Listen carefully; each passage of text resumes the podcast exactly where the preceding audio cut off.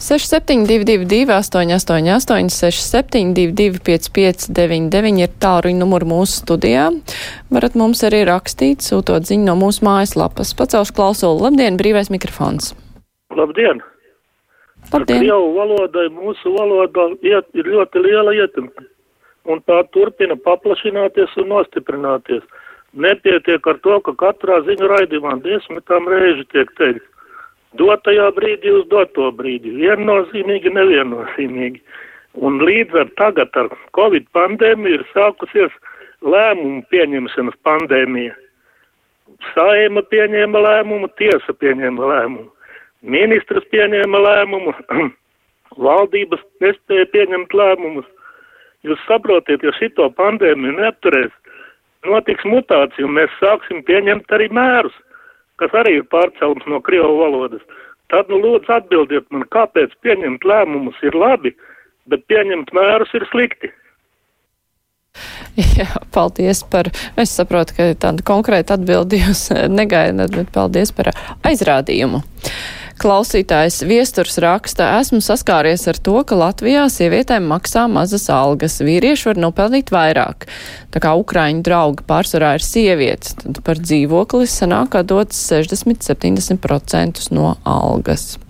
Jā, tas, par ko jau mūsu redzījuma viešņa runāja, tur jau ir arī ne tikai algas jautājums, bet arī tas, ka sieviete, kura ir viena pati ģimenes galva tajā brīdī, var teikt. Viens pats vecāks, kurš ir ieradies, nu, viņai vienai pašai jādomā, kur likt bērnus, un, ja vēl jāstrādā, nu, tas ir ārkārtīgi grūti. Viena vecāka ģimenēm arī Latvijā. Latvijas iedzīvotājiem ir ļoti grūti, daudz grūtāk nekā tur, kur ir abi vecāki, kas var dal dalīt pienākumus. Klausītājs zvana brīvais mikrofons. Labdien! Labdien! Man trīsas vasaras vakara pārdomas pie atvērta loga par zāles, zāles pļaušanu. Bija laiks, kad vakaros sienāži sisināja, bet zāles pļāvēs tos visus nu nogalināja. Tagad tik kolāņi klaigā un ķerts, tāpēc logu tagad vaļā taisīt nav vērts. Bet pļāvēja motors tik rūts un rūts, tais pie ausis un patvērties mūts. Es nepateikšu jums neko jaunu, saudzēsim Latvijas floru un faunu. Paldies! Paldies jums par dzējoli. Mārtiņš raksta, mīļie studijā esošie, kas ir tas iemesls, kura labad jūs šobrīd runājat par Ukrainas bēgļu integrāciju, bet ne ar pušplēstu vārdu nepieminat zvaigzni ABC piedāvātos bezmaksas Ukraiņu mācību materiālus Ukrainas iedzīvotājiem bez maksas. Mārtiņ, padalieties, kur tos var dabūt es tādus neesmu redzējusi, vismaz tai palīdzības centrā Kaļķu ielā. Ārmāns raksta, ja jau valsts netiek galā ar šiem pāris tūkstošiem iebraucēju, tad kāda jēga ir censties atgriezt ģimenes, kuras devušās dzīvot ārpus Latvijas? Ja visi atgrieztos, pat nebūtu kur dzīvot - skolas sporta zālē. Nu, varbūt tik traki nebūtu tie, kas ir aizbraukuši. Viņiem jau parasti te radi draugi, varbūt kāds dzīvoklis nepārdots. Tā, kā, tā jau nav, ka visi ir aizbraucēji, ir nu, noslaucījuši no sevis pagātni un Latviju, un ka viņiem nemaz, nemaz nav kur atgriezties. Lai gan arī tā, protams, ir. Tiesa, ja darbs ir bijis kaut kur tālāk rietumē Eiropā, nu tur jā, algas arī labākas. Tur neatbrauc tā kā Ukraiņi daudz uz šejieni ar vienu maisiņu un vienu drēbju kārtu. Klausītājs zvana brīvais mikrofons. Labdien! Halo! Labdien! Labdien. Sakiet lūdzu, 1941. gadā, 23. augustā, Aglonā apšāva Daugavpils slimnīca 700 pacientu. Pēc 80 viena gada laiks būtu prasties un iekārtot un uzturēt piemiņas vietu. Ko domā Vācijas valdība par to prieku un joku galu galā? Paldies!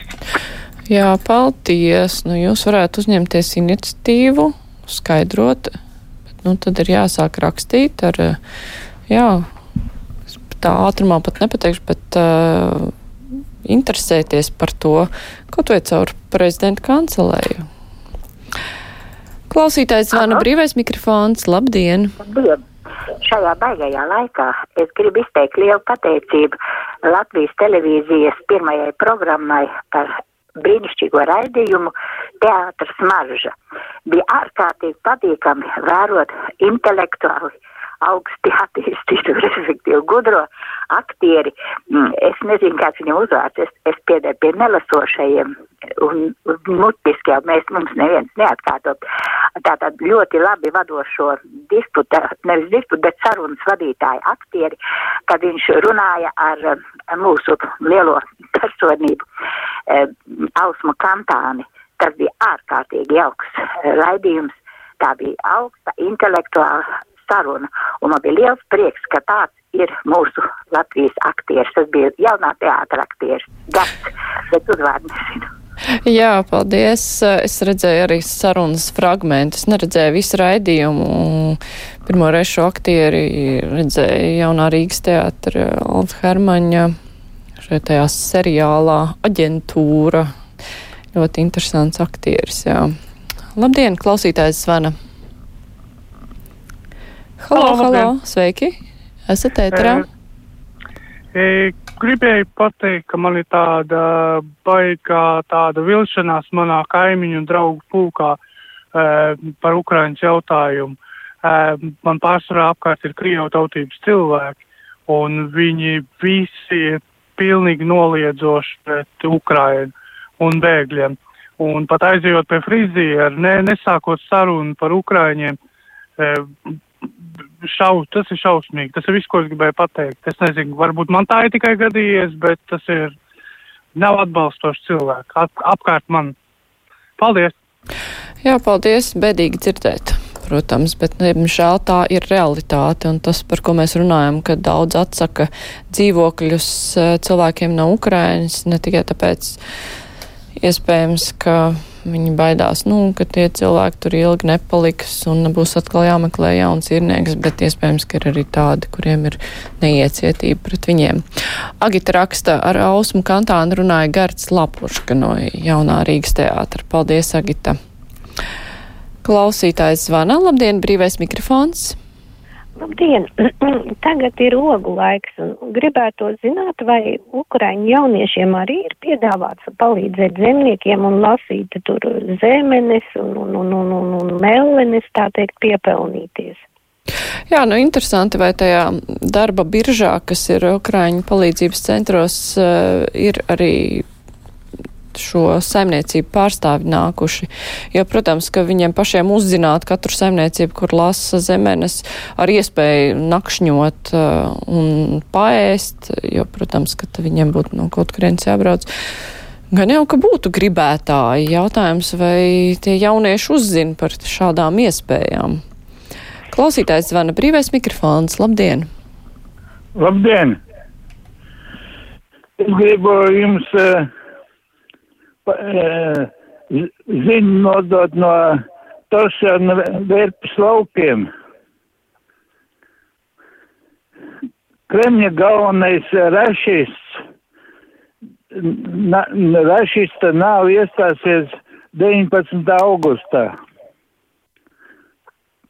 Tāda ziņa no Tošana vērpas laukiem. Mm -hmm. nu, labi, paldies par nodoto ziņu tā klausītāja Lolita raksta, kā tas ir tālu no šādiem pakalpojumiem Latvijā. Tātad arī Latvijas iedzīvotāji ir tālu no šiem pakalpojumiem. Nu, diemžēl tā ir, ka Latvijas iedzīvotāji daudz atrodas tālu no izglītības pakalpojumiem vai bērnu pieskatīšanas vai darba. Par to jau arī daudz sūdzās. Un tāpēc vēl piegādāt jaunus iedzīvotājus, kuri tālu no pakalpojumiem varbūt nav liederīgi, ja mēs gribam, lai cilvēks strādā. Klausītājs zvana. Labdien, brīvais Halo. mikrofons. Halo. Labdien. Labdien. Bija iepriekšējā vizītā bija raidījums par to, ka brīvprātīgiem ir nepieciešams darba rokas, bet to telefonu numuru dobēra kā pupas un atkārtot te atkārtoja, un ar to viss beidzās. Nu, protams, piedodiet, ka es aizrādu žurnālistiem, jo viņiem tāpat vienmēr ir taisnība kā, kā politiķiem.